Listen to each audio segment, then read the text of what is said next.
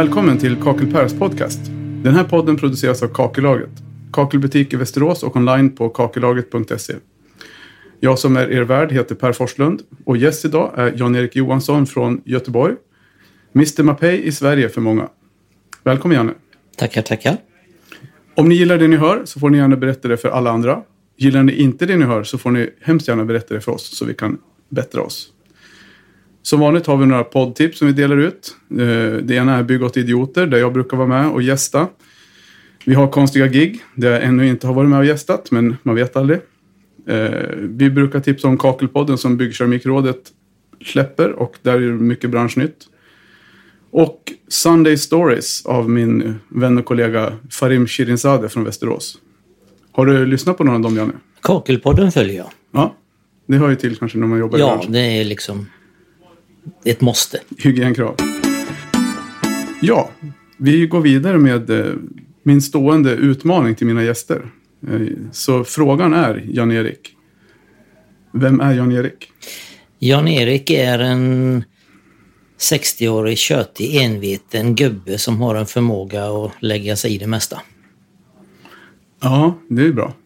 Om vi har några så här lite positiva egenskaper då? Ja, men det kan vara positivt att hålla tag i och släppa och rota och röta i så att eh, förhoppningsvis det blir rätt om det är några fel man har hittat på vägen. Så noggrann kan ju vara ett sånt. Noggrann kan vara ett, eh, kanske lite överdrivet noggrann ibland och svårt att delegera. Men eh, ja, Ja, vad bra. Vad skulle, dina, vad skulle dina vänner säga om dig? Om de fick säga någon, någon egenskap som de... Det låter ju som man pratar om någon gammal hund, men jag skulle säga trofast på det viset att är någon att lita på. Förhoppningsvis i alla fall. Ja, men det var ju bra. Det var fina egenskaper. Ja. Om vi tar en riktig presentation då. Eh, vem har jag framför mig? Och vem är det de lyssnar på? Eh, De, eller ni lyssnar på Jan-Erik Johansson, tekniker på Mapei. Som är den här tråkiga delen, yrkesbiten. Där jag har varit verksam ganska länge, i, sedan 2001 på Mapei. Och I kakelbranschen sedan 83. Där jag började som lärling och blev så småningom platssättare.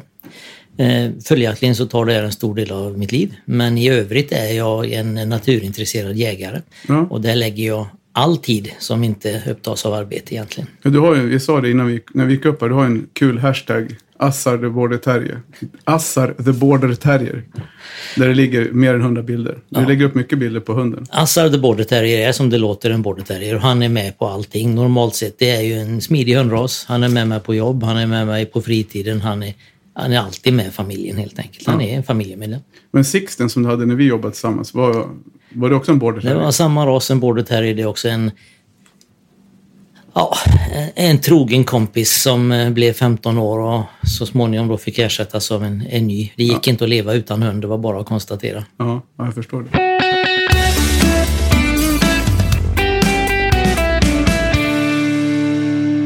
Ja, du, du sa att du jobbar som platssättare. Men hur, eh, hur länge gjorde du det och sen hur kom du in på Mapei? Jag var totalt sett på entreprenadsidan i 15 år. Alltså började som... Jag började egentligen med att köra budbil åt en kakelfirma. Okej. Eh, och så småningom från att bära kakel så blir det, ja när du ändå är där så kan du väl sätta den där diskbänken och så, och så kan du väl rolla på tätskiktet. För det var ju det vi sysslade med på den tiden. Ja. Eh, kom fram till att ja men det kan jag väl göra.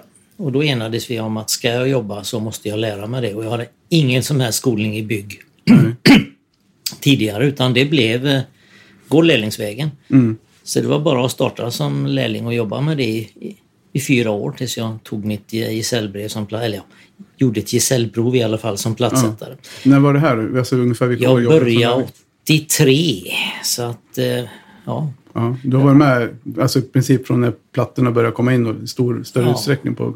Jag tror jag har mitt första pärkort utskrivet 87, när våtrumslicens som det hette på den tiden, ett inplastat körkort. Och sen har jag varit i, kvar i branschen i olika funktioner. Men, eh, platssättare i början, sen ansvarig, ansvarig arbetsledare och därefter eh, sitta på kontor och räkna på jobb. Och sen så småningom byta sida och gå till leverantörssidan då. Vad, har du jobbat åt någon annan leverantör än Mapei? Nej. Jag har När, hur länge har du varit på Mapei sa du? varit på Mapei sedan 2001. Sen 2001, det blir alltså 19 år. Ja, Det är tid. det är en lång tid. Och vi jobbade ihop, vad var det? 2004 till 2008? Ja, kan stämma bra. 2004 på hösten till 2008 på ja, typ 20, hela 2008. Jag var ju kvar lite grann där. Innan du tog över kakellagret? Ja, precis. Absolut. Precis. Det var också en kul period när vi jobbade tillsammans. Ja, men det var det. Men det, det har varit kul period ända sedan 2001 och det är Ja. väl orsaken till att jag är kvar. Jag kan inte säga att jag sörjer när jag går upp på morgonen och åker till jobbet. Nej. Eh, För man möter så otroligt mycket roligt folk. Ja. I början när jag var mera säljstöd och då var det ju enbart eh, entreprenörer och butiksfolk man mötte. Ja. Idag jobbar jag gentemot konstruktörer, arkitekter och som tur är fortfarande platssättare. Ja. ja, för det är där pulsen ligger lite grann. Det är det och jag ser ju mig lite, lite grann som att jag har rollen att vara den som översätter konstruktören och arkitektens drömmar och visioner till någonting som platssättaren verkligen kan utföra. Ja. Och där materialen hänger med. Ja, precis. Men alltså hur kom det sig att du, att du hamnade på Mapei? Slumpen. Okej? Någon kände någon som kände någon som hörde att Mapei sökte en kille som på den tiden hette tekniskt säljstöd. Man åkte ut omkring med säljarna och stod och blandade bruk och demonstrerade hur man skulle sätta kakel. Ja. i princip. Och sen har jag ja, nästan samma roll idag känns det som, fast mot andra. Jag har jobbat med allting inom tekniksidan på Ja. fäst och fog. Ja, för du är, ju, du är ju som sagt, du är, du är väl den idag på Mapei som har jobbat längst i bolaget i Sverige. Ja, Ja. Och det, det är ju, ja, i och för sig, det är ju alltid värdefullt, eller alltid, det är ju värdefullt för ett företag att ha en sån trotjänare som kan historiken mycket också rent. det är väl det. Man, det är väl där det skiljer sig lite grann också, att man har historiken. Det, det sticker ju ut lite i dagen. Idag är, ses man ju lite konstigt om man inte har bytt roll eller bytt företag efter fem år. Men ja, jag är gammal nog att tycka att jag trivs. Jag har svårt att se mig själv göra exakt samma jobb under en annan, annan label. Ja, Det, det tillför ingenting. Det, nej. nej. Syftet med det här avsnittet är, är ju inte att lyfta fram specifikt Mapei som varumärke utan mer belysa vad som är kritiskt att tänka på eh, för att undvika problem och reklamationer för er som hantverkare. Och eh, det är därför vi gör det här som en liten repetition av det fix och foga-avsnittet som vi släppte faktiskt helt nyligen när det här spelas in. Men det här kommer ju komma om några veckor. Så. Jag tänker så här Janne, din relation till keramiken, den, den har du ju dragit lite grann så det kanske vi bara behöver svepa förbi igen då. Men det är du får säga det med egna ord. ja, min relation till keramiken. Ja, ett långt arbetsliv. Jag har ju följt med den från den tiden när vi hade i princip terrakottaplattor, högabsorberande plattor, gamla Höganäs, rustika plattor som alla har sett liggandes på entréer, terrasser och allt till dagens högteknologiska keramiska plattor eller kompositplattor som ställer helt andra krav på den som ska hantera dem, både för att skära dem, lägga dem, få fast dem, foga dem och allting. Alltså det är en helt annan värld även om det för ögat fortfarande bara är en keramisk platta. Mm. Men svårigheten med det då, vad, vad tänker du där? Alltså, Eh, alltså, för jag tänker, de som börjar jobba idag, de har ju inte det som vi stötte på när vi jobbade på 90-talet. Eh, både och. Jag känner att de som börjar jobba idag, de kommer ju oftast in i branschen via en platssättningsfirma. Det finns ju egentligen ingen utbildning där du efter tre års, fyra års utbildning kan säga att nu är jag färdig platssättare. Utan du går ju i, i lära, lärling hos någon. Och vi, alla gamla gubbar, vi har ju kvar det här att så här gör man. Ja. Så att jag tror platssättning är fortfarande ett väldigt traditionsbundet yrke och vi har med oss mycket idag felaktiga beteenden när vi hanterar keramiken. För den är inte idag som den var igår. Men jag vill jag kopplar tillbaka direkt på det du sa istället för annars kommer jag glömma det. Det du sa nu, är det någonting som du tycker är ett problem att det inte finns någon specifik platssättarutbildning? Ja, om vi ska värna den här branschen och ta vara på vad den faktiskt är. Vi är ju de som har eh, ett oöverträffat ytskikt. Det är slitagestarkt, det är kemikalietåligt, det är miljövänligt. Det har alla aspek- aspekter som vi kan ställa på nuvarande, framtida, kommande byggnation. Och även då eh, platssättare. Och för att få en platssättare som kan jobba med det här yrket, för det är fortfarande tungt. Det är tunga pjäser och vi pratar om idag format som går upp som gör det knappt möjligt att lyfta dem. Vi har kvar samma ergonomiska problem idag som vi hade tidigare. Och att få lärt sig det från grunden hur man ska hantera sig själv och de hjälpmedel som finns. Det tror jag är en av grunderna att vi ska kunna fortsätta expandera och få mm. mera platssättning. Mm. Och få folk som klarar av och håller att jobba med det. Mm.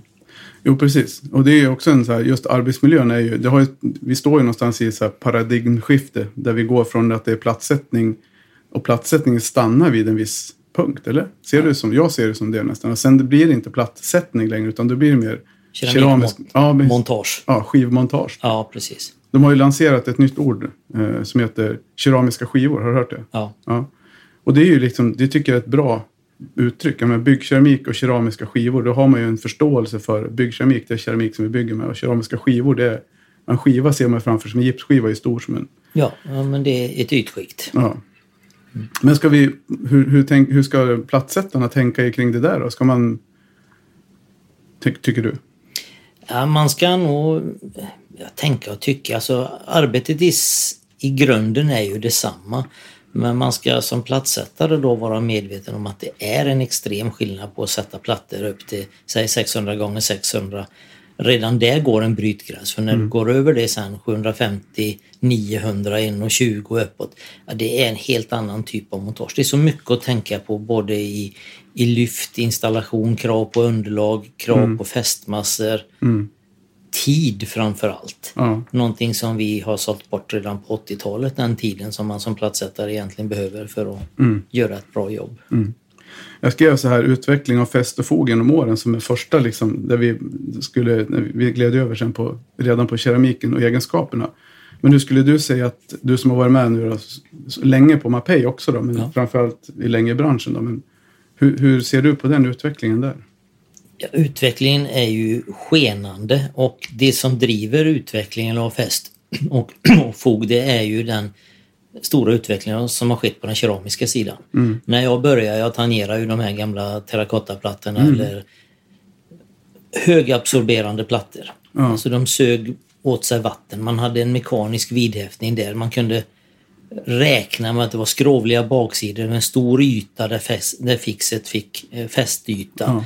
Och det absorberade, det sög bra. Vi hade underlag som var helt absorberande. Det var bruksläggning mm. eller det var i alla fall ett cementbaserat underlag eller mm. cementbaserad puts. Eh, man råd, stark absorption åt bägge håll. Man fick en bra mekanisk vidhäftning. Man hade gott om tid. Plattorna blev en enhet mm, med ja, fäst och fot. Ja, men precis. För det är det som är ja. poängen med mekaniska vidhäftningar. Att du får, du får en, liksom en, en bind, bra, stark bindning i, i materialen. I materialen och emellan materialen. Ja. Idag har vi, idag limmar vi upp plattorna för vi har eh, en, en hårt icke-absorberande keramisk platta med en stor yta. Mm. Att den icke-absorberande innebär ju att får vi inte arbetat in fästmassan i plattans baksida så vi skapar en kontakt, då, då blir det i princip bara att man lägger den på. Mm. Och vi jobbar mot tätskikt som är inte bara vattentäta utan ångtäta mm. i många lägen. Då har vi tätt däremot också. Vi har alltså två täta skikt där mm. vi lägger in ett, ett, lim som ska klara av att hålla fast där. Mm. Det gör att det har blivit mycket svårare att montera. Det ställer högre krav på fästmassorna eller mm. fixen. Och vi jobbar idag med extremt mycket plast i dem och det mm. har ju alla som jobbar med dem märkt. Det, det är rena limmerna idag. Ja, men hur, hur såg det ut då från början? Hur, när du jobbade? Jag vet, jag har ju snackat med många hade en kille som hette Hasse Sköld som jobbar inne hos mig. Eller handlar mycket inne hos mig. Han, han pratade om när de blandade fogen själva och när de började satte med bruk, du vet med cement och sand. Och... Jag hade ju turen att jag började så pass tidigt på min lärlingsbit så jag fick gå med några av de gamla rävarna som, mm. som kunde det här. Så att Eh, då började man klockan fem på morgonen med att blanda bruk när man gick som lärling. Mm. När eh, plattsättarmäster kom och skulle gå ut på bygget klockan sju, då skulle det stå fem skottkärror med blandat bruk. Mm. Och sen körde man, eh, när de började köra ut och lägga det, ja då blandade man nästa sats. Mm. När det var färdigt så gick man in och började foga de golven som gubbarna hade lagt dagen innan. Mm. Och då var det som du säger, även om inte vi blandade först så var det ju ren cementbaserad fog. Mm. Man blandade en tunn välling torrströdde med fogbruk. Skrapade det med en gummiraka och sen tog man fuktat sågspån och körde över ja. plattorna och sopade runt detta. Ja, precis. Blev jättefina plattor men visst det hamnade en och annan litet sågspån i ytan kanske men eh, mm. det gick ju när det var absorberande plattor man mm. hade gott om tid. Idag finns det ju inte en chans med de Nej. små tunna plattor eller tunna plattor och små fogar som vi jobbar med. Det krävs ju ett material som klarar av att limma till plattans sida och torka i den här icke-absorberande miljön. Ja, precis. För det är, det är som vi, som vi pratade om där, som du säger, alltså val av fästmassa. Idag finns det ju i princip bara granitkeramik Ja. eller kakel. Ja. Alltså klinker är ju mer eller mindre det enda, enda materialet mellan kakel och granitkeramik som absorberar någonting. Ja, precis. Och vi pratar ju idag om klassificering av fästmassor och det, det, vi har en hel radda med olika bokstavskombinationer med C2, TE och F och deformationsklasser och så vidare. Och, så länge vi jobbar med cementbaserade fästmassor som ju 95 procent av produkterna är idag så är det cementbaserat. Fin, för jag menar C2, det är ju, de, van- det, är ju det det finns. C2, det är, vi har ju C1 som är ett, den gamla typen med väldigt lite Ja. polymerinnehåll. Ja, men Och, finns det så många sådana kvar? eh, det finns en del för golvläggning. Ja. Där man pratar storformatiga plattor på golv. Där, eh, där finns det att tillgå C1-fästmassor. Men oftast idag C2. Vi behöver de här polymererna för att klara av att få vidhäftning till granitkeramik framförallt, eller porcelanato. Och vi har det för att styra tiden. Vi, vi har krav på att det ska torka fort. Vi har krav på att plattorna ska hänga på vägg. Och, och vi ska ha en lång öppen tid. Vi ska ha långt potlife och så vidare. Det kräver en, en enorm polymertillsats. För det är också lite motsägelsefullt. Men alla vill ju att det ska hålla en hel dag i hinken. Men samtidigt när du väl har satt dit plattan så vill du foga direkt efter. Hur, hur går det där ihop? Det går ju inte ihop egentligen. Nej. Vad- Men eh, Men jag tänker på, ja precis, det går inte ihop. Men alltså, jag skriver här liksom hur man ska tänka då. Flytfix, snabbfix etc. Har du något eh, så här, när ska man använda snabbfix till exempel? storformatiga plattor idag. Och, vi, vi driver ju den här frågan, var går gränsen för storformat? Läser man eh, definitionen så tror jag det är en platta som har en sida längre än 25 centimeter. Då ska den räknas som storformatig. Eh, generellt branschen, vi pratar väl om en sida 60 centimeter och däröver. Då börjar vi prata om storformat och sen pratar man om gigantformat när vi går över en meter. Ja, men, men om vi tänker så här, badrum idag. Vi, vi, har ju, vi har ju hört, vi vet ju till exempel Kakelbröderna, deras eh, Instagramflöde, de kör ju 60-60 plattor i hela badrummen och sen skär de sina kuvertfall. Och det är ju många som jobbar så idag. Oh ja. Då blir det granitkeramik, stora format. Eh, och jag menar, när man ska gå in och foga dagen efter, vilket de flesta vill göra på grund av byggtider. Hur, vad, hur, är det, Ja, det är enda chansen att ha en snabbhärdande fästmassa. I alla fall på golv där du kommer att ha skivbelastningar. En väggplatta den kan du klara av att gå in och foga dagen efter. För så pass vidhäftning har du hunnit få. Men eh, så länge vi jobbar med cementbaserade produkter, om man ska titta på det tekniskt, så det är 28 dygn som gäller innan det är genomhärdat bakom. ja, om det är normalhärdande? Om det är normalhärdande. Snabbhärdande, då är det fogningsbart 3 till 5 timmar men det är ju inte genomhärdat på den tiden utan eh, fem dygn kanske för en snabbfix innan det är genomhärdat och tål full belastning. Men det kan ju variera mellan olika fabrikat såklart. Ja, ja, det, Men jag tänker det också den någonstans. flam, flammiga fogar då, och för tidigt fogning. Mm. Ja, men jag tänker till exempel flammiga fogar är en sån här sak som, Mm. som man, vi, jag tog upp i det här korta avsnittet med fix och fog. Till exempel om det här med att om du går in och fogar för tidigt så kan ju det, du har ju fukt i fixet som ska ut. Ja. Branschens eh, stora stötefråga, hur undvika flammiga fåglar. Eh, det är precis som du säger, en storformatig platta den håller ju fukten längre. Och eh, så länge det är fukt bakom som ska vandra ut så kommer du att få en färgdifferens i fogen. Och det styrs, det fortfarande det gamla klassiska, det är allting. Eh, sticker fixet upp i fogen så du har olika djup på fogen så kommer du att få en olika kulörskiftning i den. Eh, vi har så mycket plast, polymerförstärkt i fogarna idag för de ska klara av att hålla ihop och limma i de här små tunna fogarna. Så de är också känsliga för framförallt rätt vattenmängd när man blandar och att det inte torkar ifrån det när man tvättar som man skrubbar. Så att, eh, fogen är nog det absolut känsligaste och vi lever ju i en bransch där vi säger att en, en dåligt utförd fogning kan förstöra den finaste plattsättning och tvärtom. Du kan rädda en halvtaskig plattsättning genom att göra ett fint fogjobb. Och det är samtidigt den känsligaste biten för den är väldigt känslig vid det här med uttorkning. Och storformatiga plattor, snabbhärdande fästmassa, det underlättar, det ger dig större chans att, miss, att inte få missfärgade fogar. Ja, men precis. Och det gäller ju egentligen då både golv och vägg. Det gäller egentligen både golv och vägg. Och eh, idag också när vi jobbar med eh, eh, nivelleringssystem när vi pratar med de storformatiga plattorna. Det ger det ju också en säkerhet att ha ett snabbhärdande fästmassa för man slipper att dra i fixet. För där har, ja, precis. Så där har vi ju Det är också en sån här intressant punkt att ta upp tycker jag lite grann. Det här med nivåsystemen. Hur, vad tycker vi? Jag vet att vi hade storformatskurs för om det är tre eller fyra år sedan, första som vi hade då, när, när du var med. Mm. Vad tycker vi egentligen om nivåsystemen?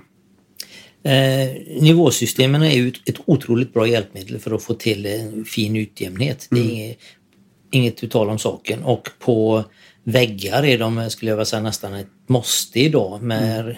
släpljus och så vidare för att klara av med retifierade plattor och inte få synliga kanter. Mm. Och på vägg, där är, de, där är det helt suveränt hjälpmedel. Mm. Eh, på golv har de ju den nackdelen att man justerar hela golvet efter den högsta punkten. Är det någon ojämnhet så kommer man ju att töja ut. Man får inte den här homogena fixbädden under plattan. Vilket kan i sin tur då leda till vidöppningsbrott om man har otur. Hur ska man, hur ska man tänka då? För med, vi pratade ju om det här med, med tandspackel och hur stora tänder och, och sen jag, jag har ju fört diskussioner med mina leverantörer. Nu har inte du varit uppe hos mig så mycket men dina kollegor eh, och andra leverantörer. Alltså där man någonstans både som återförsäljare och som plattsättarkund kan bli lite frustrerad. Man, man får ingen så här gör så här, vi, vi rekommenderar det här. Utan det blir mer så här, ja ja, du ska se till att ha full täckning. Och det känns i min värld, om jag är lite krass, så känns det lite grann som att man släpper över ansvaret till någon som egentligen kanske inte har kontroll på hela funktionen i produkten. Man har kontroll på sitt hantverk, att man ska kamma på för, och liksom... Men skulle man inte behöva ha en bättre liksom, koppling mellan leverantör och plattsättare för att få bra resultat? Jo, det, det ska man ju ha. Och i, i och med att formatet växer som sagt så, så ställer ju kraven på det här att man har den här berömda full täckning. Och mm. vad är full täckning? Är det 90 eller är det 100% eller mm. är det 85 eh, och Kravet är det skiljer sig lite också naturligtvis på golv och vägg. Men om vi tittar på golv för att kunna ta upp den styrkan som finns i keramiken då krävs det att det är ett helt homogent skikt under mm. plattan. Och det, det börjar man åstadkomma, åstadkomma redan när man gör förarbetet. Storformatiga plattor, plana golv, det kräver precis vad det säger, plana golv. Mm. Utgå ifrån att ni behöver göra en finspackling. Så det här med att flytfix, att man kan använda det för att liksom, ja, vi, lägger, vi kör med flytfix för att det, jämnar, det tar ut ojämnheterna under. Nej. Och det hävdar jag då, så det är kul att, du, att jag får medhåll där. Nej, jag hävdar ju att det inte hjälper. Ett flytfix, det, är det en svacka i golvet så då flyter det ju ner där i också i så fall mm. och du får en mindre överföring upp. Så att det, flytfix, eh, rollen som flytfix hade när de kom, då var de ju verkligen mm. eh, underlättade läggning i, i storformatiga plattor som då var 300 gånger 300 mm. Men om vi tar begränsningen för ett flytfix då, för jag vet att ni har ju kommit med ett Eh, ett nytt som ja, Keraflex Vario. Ja. För något år sedan, förra året. Ja. Släppte ni det i Sverige. Eh, och, men vad säger ni om generellt om flytfix? Var går gränsen för det ni rekommenderar kontra avråder att man ska lita på ett flytfix? Finns det någon sån gräns? Upp till 60-60 så kan du lita på att ett flytfix eh, ger det en full täckning bakom. Mm. Men det beror också på att underlaget i så fall är helt plant. Mm. Ja, men vad har vi då för tantbacke till exempel? Om vi ställer eh, den frågan rakt på sak. En halvrund 10-20. Ja, en 10-20. Den här alpkammen som finns då, som var från, kom för några år sedan som var en mirakelkam för för flytfix. Ja, eh, jag är ju lite motståndare till den med de här lutande tänderna i och med att jag anser att där du arbetar in fästmassan i underlaget där skrapar du ju bort den med de här fixerna och sen mm. har du den här lutande rillan som går över. För i grund och botten, även om det är ett flytfix eller om det är ett vanligt fix eller ett lättfix, kravet för att det ska fastna, det ska göra jobbet i, i steg ett, det är att vi får fast i underlaget. Mm. Och det får vi ju inte genom att lägga dit det. Det krävs att vi arbetar in det. Mm. Hade det varit så att vi skulle ha en tandspackel som var en sida för att dra ut fixet på golvet och en sida för att dra ut det på baksidan av plattan exempelvis. Ja, då mm. hade det varit två olika tandningar på det. Mm. Det är en slät sida av den anledningen att den börjar man med för att arbeta in det och skapa den här mekaniska kontakten mm. mellan underlaget och fästmassan. Och sen har man ju rillorna för att ge den jämntjocka fixbädden. Mm. Och för att hoppa tillbaks då till det här med ett flytfix, det är samma där. Det, det räcker inte att hälla ut och dra ut det, det måste arbetas in i underlaget och sen drar man upp en jämntjock bädd med hjälp av den tandade sidan. Sen kan du lägga på plattan. Men är det en granit eller en porcelänatorplatta, en hårdbränd platta, det räcker inte att du lägger den på ett flytfix. Det måste lik förbaskat arbetas in där. Så jobbar du med flytfix då är rekommendationen lika, då, lika väl att man drar ett kontaktskikt i det läget på plattans baksida. Alltså drar millimetertjockt skikt med den släta sidan. Det, det är ju lite grann hängslen och livrem i din värld. Det, ja, det är det. Eh, Men är det, har det att göra med de här släppmedlen som man pratar om? Det finns ju också väldigt stor diskussion om det i branschen där det förekommer olika mycket. Ja, och det är ju allting från eh, oljor, plast till talkpuder som är på baksidan för att plattorna ska släppa från produktionsbanden helt enkelt under tillverkningen. Och ja, det är ett sätt att garantera att man får bort dem, arbetar sig igenom dem. Mm. Men har du, alltså, har det, jag kan, man tittar på mycket olika plattor i och med att vi säljer kakel och klinker. Mycket granitkeramikplattor. Det skiljer sig väldigt mycket från fabrik till fabrik också hur baksidan ser ut. En del har ju ganska grov struktur på baksidan. Ja. Är det viktigare att bakstryka en sån platta än en som är slätare eller är det lika viktigt? Eh, Eller fyller olika funktion? Ja, det, fördelen med en grov baksida det är att du har en större yta där du får vidhäftning till eh, plattan. Och det är även mindre risk för att det är släppmedel på en grov yta. En väldigt slät yta den kräver mer jobb att du mekaniskt arbetar in fästmassan på baksidan. Ja, precis. För det blir mer, större yta med släppmedel då. Precis. Samtidigt så kan jag tycka att en, en ojämn yta, där du har de här rutorna som kan vara två gånger två centimeter. Då har du en, en försänkning på kanske en halv millimeter. Så den bör man kanske fylla ut med fix för att du ska skapa en... Så det blir ju, där ser man att det är inte så bara. Nej, det, det är verkligen... eh, Och det här är ju också mycket som hantverkarna, som jag hoppas lyssnar på det här nu då, så att man verkligen tänker till och tar sitt ansvar. Och, för att det är ju svårt att komma efteråt och säga till en leverantör, vad fan det släppte ju. Och så vänder man på plattan och säger, du är inte bakstryket, då har man ju redan där. Ja, det var ju så när jag jobbade som plattsättare den, den korta tiden jag jobbade själv och den när jag var som arbetsledare på den sidan. Då var det ju första frågan man ställde när man köpte plattor och när man köpte fästmassa. Det var, "Ja, behöver jag bakstryka? Och så stod man och stirrade tillräckligt länge på den som levererade tills han sa nej, det behöver du inte. Och idag när jag är på andra sidan så står jag ju där och så stirrar jag tillbaka. Jo, Ja, det är bara att konstatera. För att jag ska kunna garantera att våra fästmassor gör det vi säger. Ja, då måste du hjälpa dem genom att få grepp i underlaget. Så dubbellimma. Så fort det är Ja, storformat precis, för att- så är det... Och en dubbellimning i min värld är som jag sa, att använda den släta sidan först på underlaget, dra upp riller och sen beroende på plattstorlek, men en större platta eh, bakstryck på samma vis, dra med den släta sidan så arbetar in och sen dra upp riller. Men snäppet mindre.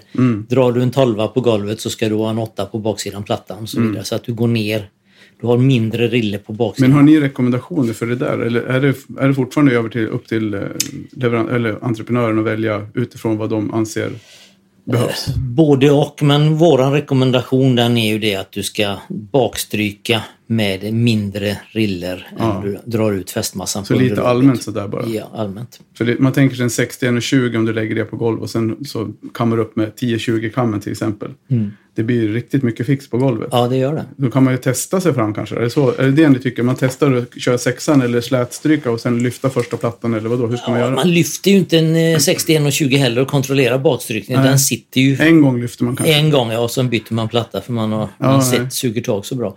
Eh, rekommendationen, det, jag håller fortfarande. Tar du en, säg en 12 på golv och du kör en 8 på baksidan plattan, Mm. då har du full täckning förutsatt att underlaget är färdigt. Hur ska man kamma rillorna? Samma håll eller korskamma? Eller? Definitivt samma håll. Ja. Det är det viktigaste av alltihop. Och korskammar man, det, den, händer- vad händer kraft du, den kraft du då behöver för att garantera att du trycker ner rillorna Ja.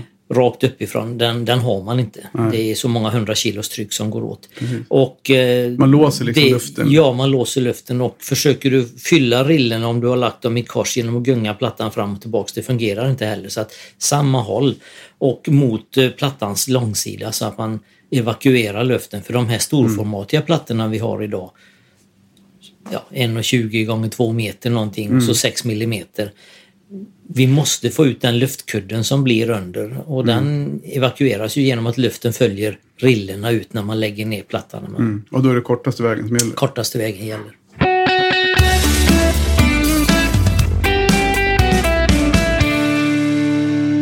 Ja, men vad bra. Då har vi redat ut lite grann kring eh, flytfix och val av kammare och sånt. Men eh, det här med hjälpmedel, om man säger att man har lagt en stor platta bara för en liten kort återkoppling. Det finns ju vissa hjälpmedel man kan använda för att få bort luften. Det finns hjälpmedel. Och eh, för det första så behöver vi ju lyftverktyg idag med sugproppar som gör att du faktiskt får tag i ytan och kan gunga plattan fram och tillbaks även när den ligger nedlagd. Sen finns det ju vibratorer idag elektriska maskiner med vibratorplatta som ungefär som en betongvibrator skakar ner, hjälper till att få rillorna under och kollapsa, att du fyller ihop och bygg, får den här homogena fixbädden. Från vilken storlek på plattor tycker du man behöver ha den? Har du, test, har du varit med och testat på något större projekt? Jag har varit med och lagt eh, storformatiga plattor som både har lyckats och gått åt helskotta där jag tycker vi har ändå gjort allting rätt men inte klarat av att få det. Men alltså 90-90 då är det ett krav med hjälpmedel. Ja, just vibrations för Ja. att få bort luften. Ja. Ja, de. Annars är det ju klappplattor och så vidare. Lite traditionellt. Alltså till och med en sån enkel sak som en gummiklubba hjälper ju till för att få ner eh, både ytjämnheten och få bort luft ur det. Så att eh, det gäller en tung klappbräda. ja, precis. Om vi tittar på andra typer av material, som de typerna av material vi har om man ska välja fix. Nu har vi ju gått igenom granitkeramiken där vi säger att vi ska ha plastiserade fästmassor. Ja. S1-klassning är ju minimum. Ja. S1, S2 då, om vi pratar högre deformationsklass, när, när kliver vi på det? Vilka typer av konstruktioner? Och... S2 skulle jag vilja säga är för eh, utvändiga fasader. Det är för golv med storformatiga plattor. Eh,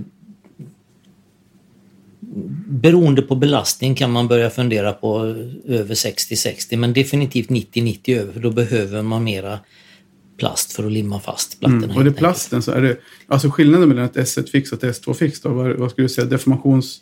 Hur, hur skulle man definiera liksom, hur mycket rörelser? För det handlar ju inte om att det är böjbart. Nej, det är ju så man klassificerar det. Man, man gör ju en remsa av fästmassa. 8 cm bred och 6 mm tjock eller någonting meter lång. Och så trycker man på mitten och klarar man att trycka ner den 2,5 mm då är det en S1. Kan man trycka ända till 5 mm innan den brister, ja då är det en S2.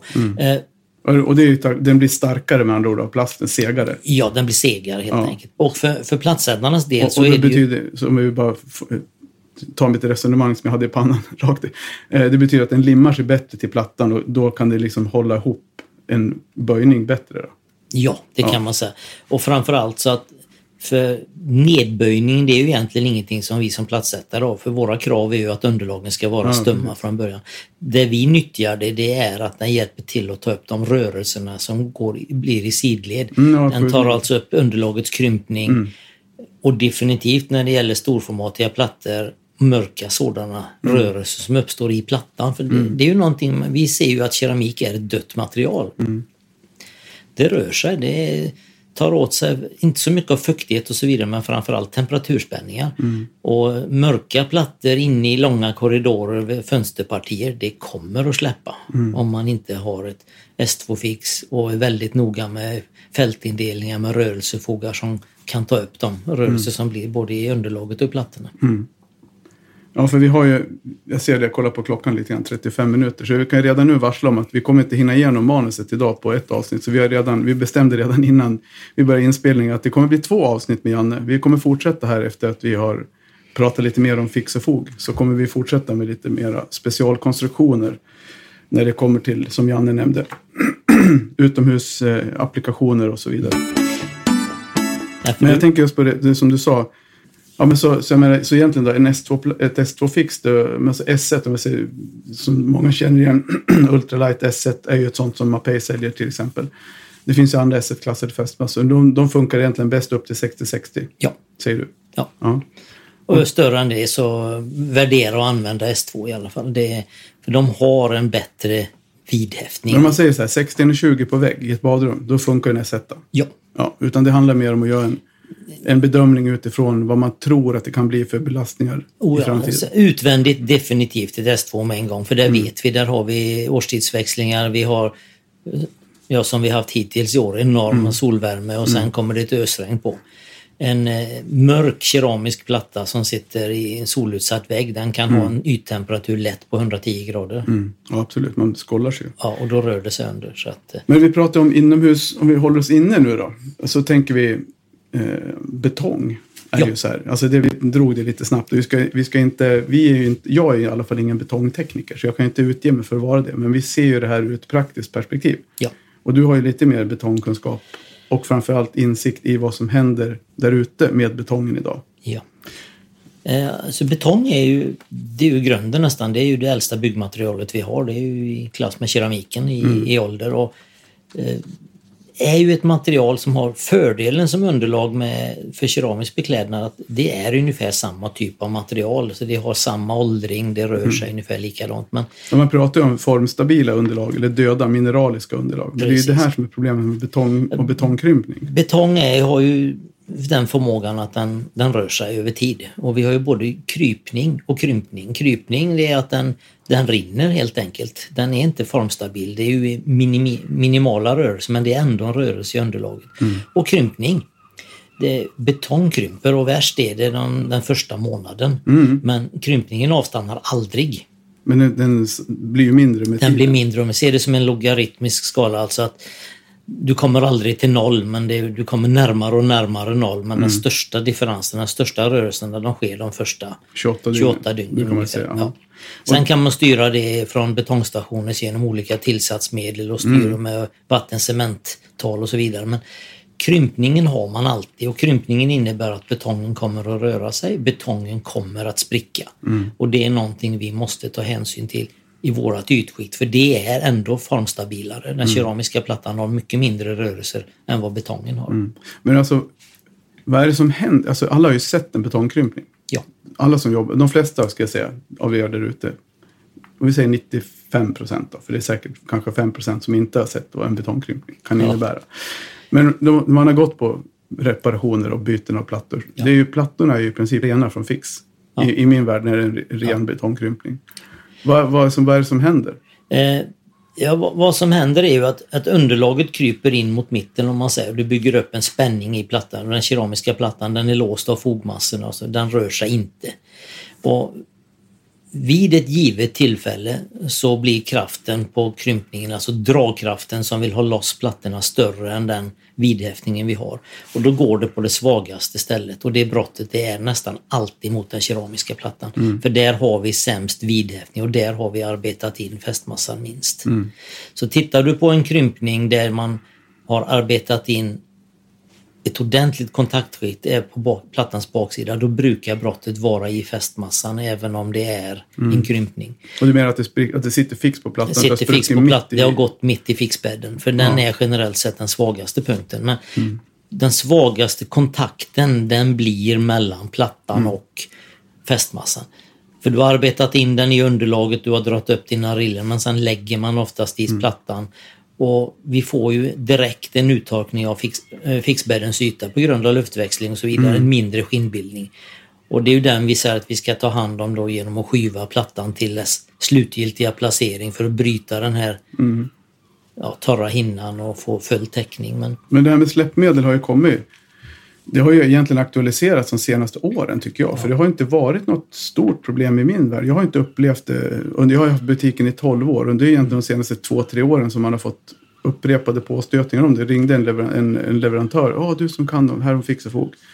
Nu har vi fått in en kund som, som har, de har fått platssläpp på 15-15 plattor. ja, Och hur kan det komma sig en sån liten platta? Men och då, återigen, då, det måste ju ha med att man inte... Då är man kanske för nonchalant med en liten platta. Att ja man inte- tycker att det är enklare och man, man har mer koll och lägger mer hänsyn när man lägger storformat. Ja, För det, det sitter liksom både i bakhuvudet och framför ögonen att här är någonting stort, det här kräver lite extra medan 15-15 det är bara att plocka på tid. Men det är lika viktigt idag. Naturligtvis skillnad på en granitkeramik, porcelat och en, en kakelplatta. För en Mm, kakelplatta med absorberande yta, du har lite bättre marginal där. Men även där, det går inte bara att stå och plocka upp den utan den kräver den här vridande, skivande rörelsen Mm. för, att, för att ha en chans att få vidhäftning. Men kakel, alltså vi, nu ska, vi, ska, vi ska inte släppa granitkeramik och betongkrympning, men bara som ett, skjuter in kakel och bakstrykning. Var går gränsen där tycker du? Eller tandstorlek på spacken. De flesta kör ju 6 mm på allt. Ja, 30-60, 10 mm tjock vit lera. Ja, eh, 6 mm kam den är väl okej på en 15-15 kakelplatta. Går du upp större så är det en 8. Så, eh, fixerna idag är ju designade, de tunnbäddsfixerna, alltså de normala plattsättningsbrukarna. Du ska ha en fixbädd på 58 mm. Och eh, en 5 mm fixbädd egentligen, ja då är det en 10 mm tandartsbackel som du har i 90 grader till underlaget, vilket inte förekommer. Nej. Så den som jobbar med en 6 mm kam och håller den 50 45 graders vinkel mot underlaget.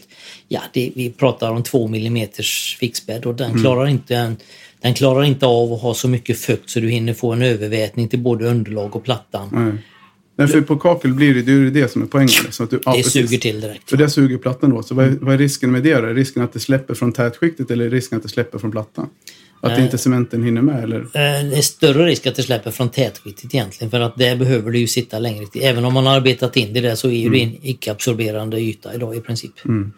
Så att det är större risk att du får en platssläpp från underlaget faktiskt. Men så är det egentligen samma rekommendation. om Man säger att man håller på med 3060, 3090 på vägg. Att man, man gör en check. Liksom, var, hur, hur fastnar plattorna Ja. för mig? Liksom. Det är tyvärr så. Den Eller klet, tyvärr. Alltså, kletiga verkligheten att ta att bort det- en platta och kontrollera. Ja. Ingen som jobbar som har så stor lust att åka tillbaka och, Nej, och börja nej, det byta har man definitivt inte. Utan det är ju bättre att vara seriös och, och verkligen försäkra sig om att det sitter. Så minimum åtta på plattor större än 2020. Ja.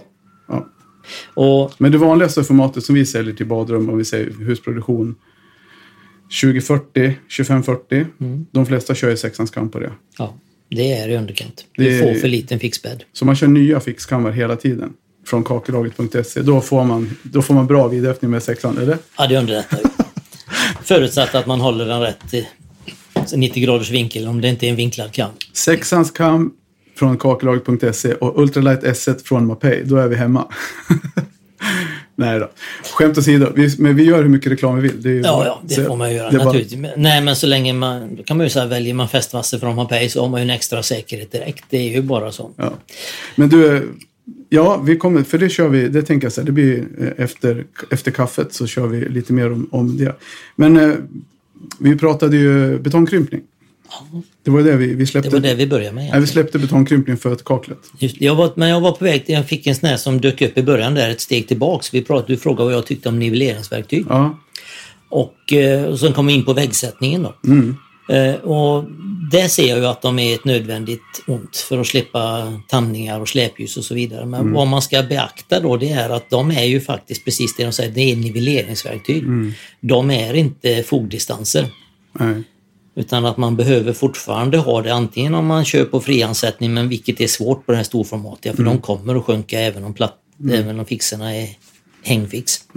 Eh, tänk på att ni ska kombinera det här med distanser för att skapa en minst 2 mm fog. För det, är, det finns en anledning till att fogen inte ska vara mindre än 2. Det är att den, det behöver vara minst 2 mm för att kunna ta upp deformationer, rörelse och att man ska kunna arbeta in eh, fogmassan. Ja, men precis. För det är också en sån här sak. Det blir ju mer och mer att folk säger att de vill ha noll fog. Ja. Och jag tog upp det i det här avsnittet om fix och fog. Ja, okej. Just det här med, med hygienen också. Att man Ja, behöver ha fog emellan för att stoppa för...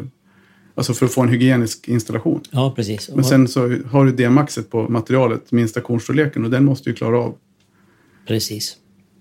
Nej, men att man tar att nivelleringsverktyg är nivelleringsverktyg. De är inte distansverktyg för fogbredd. Nej. Fast det används ju som, de har ju kommit från 1,8, det finns ju en millimeter. Så. Ja, då. Det finns Men- men- 0,5 och då, eh, det är ju drömmen för de som vill ha de här obrutna ytorna men det är mardrömmen för oss som ska stå för... Men vad menar du, vad kan hända då om du har, säg så att du har en millimeters fog, vad är risken att du får, risken att du får platssläpp på vägg också då om du har för smala fogar? Ja, det är. För där du har, fogarna har förmåga att, en viss förmåga att ta upp deformation helt enkelt. Plus att de under, även vid uttorkningen, du behöver det här för att ventilera ut den fukten som står bakom i fästmassorna. Så att eh, en 3 mm fog, det är väl egentligen den bästa fogbredden. Men om man väljer, om man nu känner sig, ja, men abs- jag, nej, jag skiter i vad Janne säger, jag vill absolut köra en millimeters foga på vägg. Ja. Om man, om man tar till exempel en finkornig flexfog till exempel, de har ju ett D-max på ungefär mellan 0 och 1 höll jag på att säga, men det ligger på en millimeter. Ja. Och då funkar den att få i, rent tekniskt. ja, Om man då väljer ett snabbfix på väggen, då har man ju någonstans ändå säkrat upp att Det den, torkar ut ja, det torkar ut. Det, skulle det vara ett, liksom en medelväg? Ja, det är en gyllene medelvägen i så fall. Men eh, det är ändå risken är väldigt stor att, det du, att du bara skapar ett litet lock. Att du inte packar fogen ända in tills den möter fästmassan. För det är ju egentligen där, enda stället den sitter fast, så är det där fogen hugger tag i fästmassan under. För eh, så dagens plattor med den låga absorptionen de har så att fogen ska ha en chans att få fäste även i plattans sida och inte bara i fo- eh, fästbruket under. Ja, då är det egentligen att gå upp på en epoxy.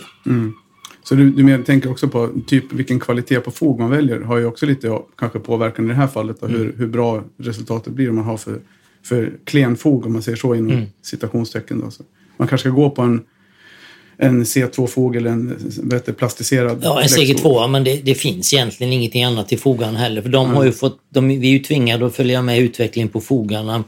Med plattorna samma som vi gör på fixerna. Vi ökar plastmängden och det är för att de ska klara av att få vidhäftning till plattans sida och inte bara stå som en Nej, precis. utfyllnad mellan plattorna. Så att, eh, men det är också det, mera plast i, det kräver ställer högre krav på utförande även där. Mm, ja, det gör det.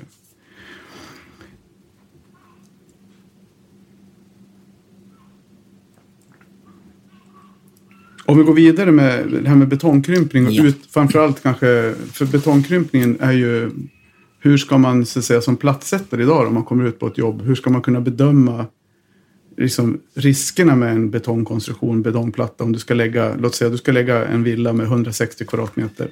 Du ska lägga det här golvet och så säger byggaren så här, ja ah, fan det här gjutet har stått i, i sju månader. Mm. Hur så räknar man bakåt och så har du gjutit i november och så står vi där i maj och ska lägga plattor. Är det safe att gå in och lägga där med en S1 fix? Generellt sett ja. Eh, Du ska, vi kommer aldrig ifrån det där att vi behöver tänka på att ha rörelsefog, rörelsemån. Alltså plattorna får inte ligga stömt mot väggarna utan det ska vara en rörelsemån mot väggar. Dela av mellanrum. Man kan ha fogföljd men ändå ha en rörelsefog i dörröppningar och så vidare. Och är det större utrymme så eh, korridorer och så vidare. Ja, vi pratar enligt AMA 6 x 6 meter eller 10 meter sida pratar man lite från plattsättningssidan. Och det är för att ta hand om den här långsiktiga krympningen som är i en betong eh, kontra våra styva plattor. Det, vi måste ha rörelsefogarna. Men det här när man går in och mäter och de går in och gör ett borrprov och så ser man att det här RF, ja, man tittar på en fuktighet. ja, Eh, hur då- mycket ska man lita på det så att säga? Hur, för jag vet att jag har fått frågorna flera gånger från några stycken som har varit på jobb där de säger att den har stått i 6-7 månader. Ja. Det är bara kör, men det ligger ändå på typ 90, 92. Ja, dagens eh, nya betong med alla tillsatsmedel och så vidare har och låga VCT-tal som man jobbar med. Eh, de har en väldigt lång uttagning sett på RFen. RFen generellt sett påverkar ju inte platssättningen så mycket. Så länge vi jobbar med cementbaserade fix så tål de ju en fuktbelastning både, från båda håll. Eh, så RFen är väl egentligen bara ett, det är inte ett mått på hur mycket betongens krympning är kvar utan det, det visar egentligen bara hur långt den har nått i härdningsprocessen men den, det, det visar ingenting på krympningen. Nej. Vi kan bara säga att en, en låg eh, VCT-betong den har en större initial krympning, alltså den krymper fort i början. Så att, Men den långsiktiga krympningen är kvar. Så att eh, Betong är ett underlag som rör sig och det måste vi ta hänsyn till genom Så, så det du eh, tycker är bäst, det man kan gå efter, det bästa att gå efter egentligen är ju tiden. Ja. Är, det är så? För det, Ja. det är skönt att få det lite så här fastslaget då från, från er som en stor leverantör. Att det är ändå tiden på betongens. Ja. Hur mycket påverkar temperaturen betongens härdning? För det där är också en här fråga som kommer upp. Att det göts under vinterhalvåret. Då säger någon på en betongfabrik att det spelar ingen roll, det händer ingenting. Och så säger någon leverantör att under plus fem så slutar betongen och stannar härdningen av. Ja, den, den saktar ner ordentligt och under noll händer ingenting. Nej. Eh, samtidigt kan man ju säga att eh, betong, ser man på hur man gör prover på betong så låter man ju dem härda helt under vatten. Så att den optimala miljön för en betong att härda den är lite som vi gjorde förr. Man göt i oktober och sen la man halm på och så dränkte man den halmen och la en presenning över alltihop och sen fick det stå till maj innan man byggde. Sen om det var frost i eller inte, det struntade man i. Men den härdade under fukt. Så tiden styr det och att den får härda under fukt. Och Det är ju också en då sak som är för, för platssättare att ta lite hänsyn till. Man kommer in, man ska lägga en i- eller utställningshall eller butikshall eller någonting. Eh, betongen ska ju härda i fukt vilket innebär att man för plastar den och vattnar. Idag drar man gärna direkt efter gjutningen en membranhärdare på. Den här membranhärdaren fungerar ju lite samma som släppmedel på baksidan plattan. Alltså försöker du limma ett fix på den och den här membranhärdaren ligger kvar. Den kan vara en vaxemulsion. Ja, det är precis som ett klotterskydd. När du drar på fixet så, så släpper det igen. Okej. Så att eh, Hur vanligt är det då idag? Hur, och hur kan man, membranhärdare är 100% av fallen idag vid en gjutning. Hur kan man, vad gör man åt det? Så är det fräsning eller? I så fall är det det. Man, är man med från början så kollar man med sin byggare att de använder eh, någonting som dunstar av efter tid eller går att tvätta bort. Men utgå ifrån, alltså ska man lägga plattor på en gjuten betongplatta, en slipning minst. Mm. Men säg, man ställer frågan, vad, vilken typ av släppmedel, eller nu släppmedel, membranhärdare funkar att lägga plattor på? Då? Finns det någon? Eh, ja, det finns ju de vattenbaserade som dunstar av efter en tid. De funkar. Ja. Men eh, vaxemulsioner och det som är filmbildande, de måste man kolla upp med leverantören. Vad, finns det risk att den är kvar? Och ska man säkerställa sin som plattsättare, ja då åker man på och gör en slipning. Det är ganska mycket jobb. Det är mycket jobb och någon ska betala det men det kostar otroligt mycket mindre i det läget än att byta plattorna sen. Just det, ja precis. Men du, sa, du nämnde det här också med, med att hålla eh, med, av- med, vet du, mellan avdelningar, rörelsefogar. Rörelsefogar. Ja. Hur breda ska de vara? Det finns ju också väldigt mycket olika bud. Är det upp till varje leverantör att bestämma hur breda fogar de vill ha eller finns det något generellt? Som Nej, är... det hänger på vad vi pratar. Pratar du en riktig dilatationsfog, rörelsefog som går igenom plattan, då ligger de ju 15 millimeter. Mm. Jag tänker mer om du, om du går in i 160 kvadratmeter hus och ska, ja, men vi, för de flesta som sitter och lyssnar på det här, de kanske jobbar mycket i privathus. Men en hall på 10 kvadratmeter, där behöver man inte lägga Nej. någon fog. Nej. Det är Man bara håller- att man tillser att det kan röra sig runt under socklarna och så vidare. Ja, Så man håller, man håller rent med fix mellan Ja. vägg, vägg och platta. Ja, och så, trösklar och så lägger man mjukfog mot allt som kan, synligt Ja. som kan röra sig. Ja, precis. Man pratar, ska du göra en fogindelning i en eh, Var går gränsen i yta då? För att avbryta det. ja, 10 10 gånger 10 meter. behöver man titta på. Alltså, enligt AMA 6 gånger 6, 36 kvadrat. Ja. Platssättningsmässigt idag med formaten har gått upp så pratar vi någonstans med 10 meter sida. Så ska man göra. Så är det en lång korridor som är kanske 6 meter, ja då var tionde meter då har du dina 60 kvadrat. Någonstans där. Tänk 10 meter sida. Eh, 8 millimeter skulle jag säga. 8 millimeter. Det här med, för det blir ju inte så snyggt om du kör med då 2 millimeters fogar och sen helt plötsligt så kommer en flakfog. Liksom, Oh, ja. Nej, det är ett problem. Men om den ska göra nytta så minst fem, man säger någonstans fem till åtta. Åtta är väl optimala, fem millimeter kan vi gå ner till. En tre millimeters rörelsefog, nej, då kan man lika gärna skita i det. Ja. Och man får försöka göra något snyggt då. Då är det en, är det en eh, offentlig miljö där det förekommer vagntrafik och allting, ja, då ska man definitivt lägga in en list. En rörelsefogslist. Och de är bättre, ja de håller lite. De Ja, och du skyddar kanten på plattan också. För det är ju det, du får ju en mjukfog, är en mjukfog. Det blir en kant som, på plattkant som exponeras för slag och sparkar och vagnshjul framför allt. Och eh, lägger man då en mjukfogslist så har man skyddat plattan. Ja, precis. Men just det här med betong och det. då. Har vi några andra saker att tillägga där med betongen? För vi pratade lite grann om det här med innehållet i betongen. Man jobbar ju mycket för att miljöanpassa betongen. Och, Oh ja. Eh, och Man läste, använder olika tillslag och så vidare och eh, vi går ju in på SKB som är självkompakterande betong eh, som gör att den flyter bättre och så vidare. Och, men framför allt så är ju det det påverkar betongens uttorkning. Man kan styra var i processen krympningen är värst, om den kommer mycket fr- från början eller om det är en jämn krympning, en jämn sprickbildning över tiden. Eh, uttorkningen är ju ett givet problem. Och eh, en hög RF som du sa tidigt, man kommer in efter sju månader och det är RF 92. Eh, ska du bara lägga ett golv där med cementbaserad massa direkt på så spelar det kanske inte så större roll. Men du kommer med ett tätskikt sen så du ska stänga in fukt Ja, i underlaget. Och eh, då är det någonting att ta hänsyn till. Är det ett rollat tätskikt, vad tål det? Hur tätt är tätskiktet? Ett foliebaserat tätskikt monterat med cementbaserad självtorkande lim, ja då kanske det inte är så noga. Då har du en RF-gräns någonstans på 90. Men all fukt som vi ställ, stänger in, den ska ju ta ut någonstans. exakt. Så du tycker i så fall om man stöter på sånt där, låt säga att man ska göra någon form av mera så här, industrilokal där det är lite platssättning i korridorer, torrt och sen är det lite omklädningsrum och duschar. Så välj i första hand en cementbaserat lim till duken Ja. eller Ett självtorkande lim. självtorkande lim. Ja. För Istället för att använda tätmembranslimning. Ja, du har, du, ju, fukt, ju högre RF ju längre uttorkningstid och till slut så, så torkar det här membranet bakom istället för att härda om man säger så. Du förlorar limverkan i det. Så tvåkomponenterna direkt, för de är ju gjorda att, för att torka mellan två täta skikt. Och det är ju samma med fästmassorna. Om vi går tillbaks när jag började, vi använde mest på golv då, det var väl Höganäs FP10 som skulle vara en C1 bara idag, om man klassificerar den. Den funkar ju när det var ett absorberande underlag och en absorberande platta. Idag pratar vi storformatiga plattor på tätskikt och så en icke-absorberande platta.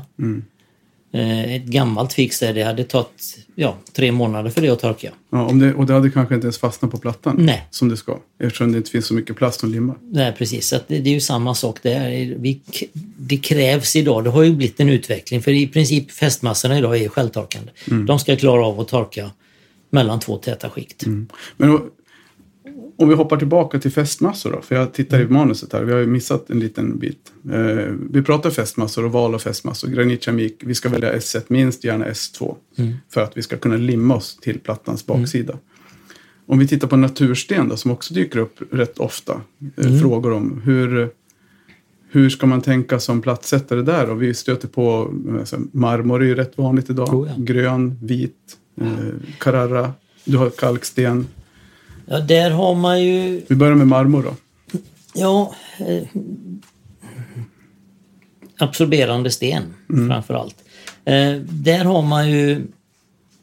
Där ska man tänka snabbfix. För natursten generellt sett är... Man tittar på ett berg ute, ja det är klart det tål ju fukt. Ja det gör det, men det påverkas av fukt. Och framförallt eh, kalksten, sandsten och marmortyperna. De har en förmåga både att absorbera fukt så att de slår sig. De får en, eh, en formförändring. De blir lite fruktskålar eller för de kan även bukta sig. Ja, för ett berg, om du har en stor, en stor marmorberg så Ja. kan inte det böja sig. Liksom.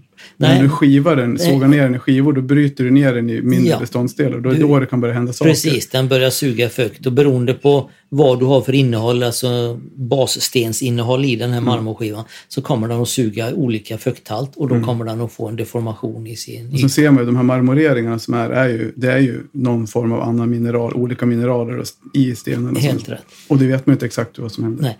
Och därför säger man strävan då det är att ha ett snabbfix för Mm. att du har så liten fukt, så kort påverkan av fukt över tid Mm. som möjligt.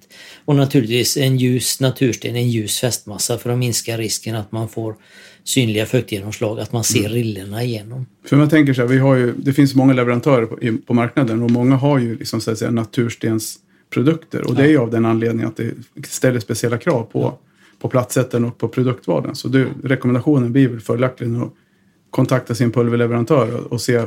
vad har ni för rekommendationer och vilka fästmassor. Går dit hän för att tittar man på känslig natursten så jobbar väl alla med, även om det är en cementbaserad fästmassa, någonting som du blandar med en flytande polymer istället för att blanda med vatten för att minska vattnets påverkningstid på plattan. För det kan led, leda till ursprängningar, etergitbildningar, alltså missfärgningar och helt enkelt avflisningar i ytan på stenen. Så att en tunn natursten, rekommendation direkt. Eh, fast vad heter det, snabbärande fästmassa, snabbfix. Om vi sen tar, det är marmor generellt då, alltså natursten generellt. Graniten är ju kanske lite mindre Graniten känslig. är li- mindre känslig, den klarar ett vanligt eh, fix. Men kalksten och marmor, Men kalksten är, kalksten är ju ytterligare lite speciellt. Ja. Eller? För där har vi ju, vad har vi där? Har vi, är de kusiner eller vad säger vi att de är?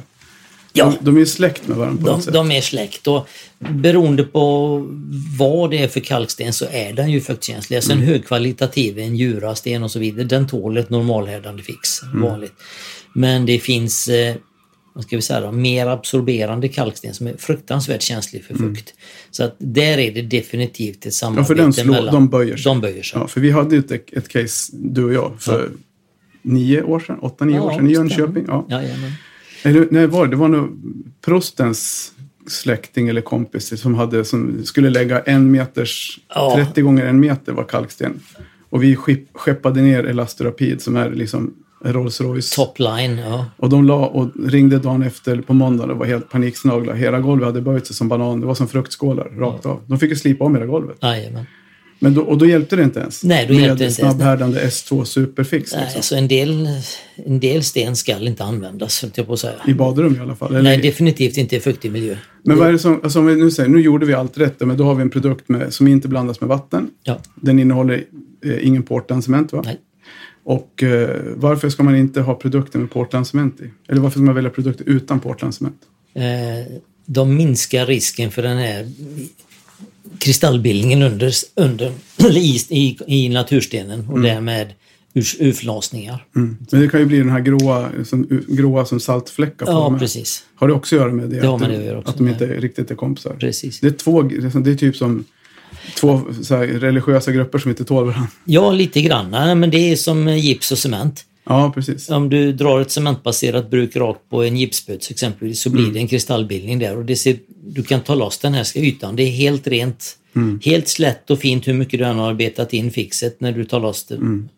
Så det har ingen vidhäftning och det är samma sak där med kalkstenen. Den rörelsen i en känslig kalksten den är så stark så att den hinner dra den hinner kröka sig eller böja sig innan fästmassan har nått Ja, upp till sån styrka så den håller emot. För i det här fallet Jönköping, där låg plattorna, de satt ju fast. Ja. Det var inte bom, Nej, ingenting. Men de hann hade, deformera sig. så de hade tagit en, en millimeter med sig i, böj, alltså av, un, i häftbryggan. Fäst. Ja, precis. Nej, är, då får man ju... Är det en känslig sten och om man har en anledning måste ha den ändå. Mm. Såga ner den i mindre format. Eller tjockare skivor. Ja. Eller, och sen framförallt kontrollera noga med, med pulverleverantörerna eller en återförsäljare i butik Ja. som kan ta, ta det vidare i sin tur. Fogmaterial då? Till, Jag skulle säga att det där har du en sån starkt absorberande natursten. Den är ju problematisk även vid fogning. Eh, slevfogar du den, alltså du bara drar på fogbruket i fogskarvarna så kommer du få en missfärgning. Ungefär som en silikon rörelsevåg med silikonolja i som kryper in och missfärgar. Du får samma typ av missfärgning av den cementbaserade fogen. Så att det gör ett test. Eller foga över hela ytan för då har du samma missfärgning över alltihop. Ja. För du pratar om silikon nu. Mm. Och för de som lyssnade på specialavsnittet av silikon vet jag att det var ju mer mycket dina ord. Jag ringde dig där dagen innan och stämde av lite fakta. Men när vi ändå pratar om det här så behöver de inte liksom hoppa av mitt i avsnittet och backa tillbaka fem avsnitt för att lyssna på det. Vad säger vi där? Natursten och silikon. Vad är det som kan hända om du bara tar ett normalt, vanligt silikon som det är våtrumssilikon? Ett vanligt våtrumssilikon innehåller eh, silikonolja. Silikon, silikonolja diffunderar, kryper in i snittytorna på framförallt natursten. Och då blir det en missfärgning i 1-3 millimeter in som ligger som en skugga. Och den får man inte bort. Så att i det läget så får man se till att välja en eh, silikon som är fri från silikonolja. Eller en MS-polymer som inte har någonting som kan krypa in. Och det gäller allting från köksdiskbänkar till eh, naturstensgolv och runt speglar och så vidare. Att, eh, det kan ge en missfärgning. Så natursten tittar på specialfog. Generellt. Och kontakta er pulverleverantör helt enkelt. Men ni får gärna mejla till mig om ni har några frågor. Alla där ute. Fyll min inkorg med intressanta frågor. Dels till eh, angående pulver, betongkrympning, fix och fog. Eh, jag tar dem gärna vidare till mina leverantörer och eh, helt enkelt.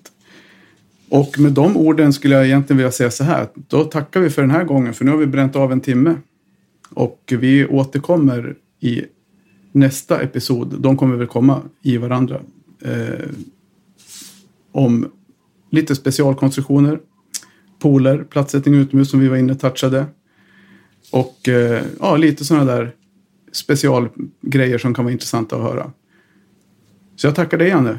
Jag tackar dig. Nu går vi ner och dricker lite kaffe och sen eh, kör vi vidare. Det gör vi. Och ni där ute, ha det gott. Vi hörs.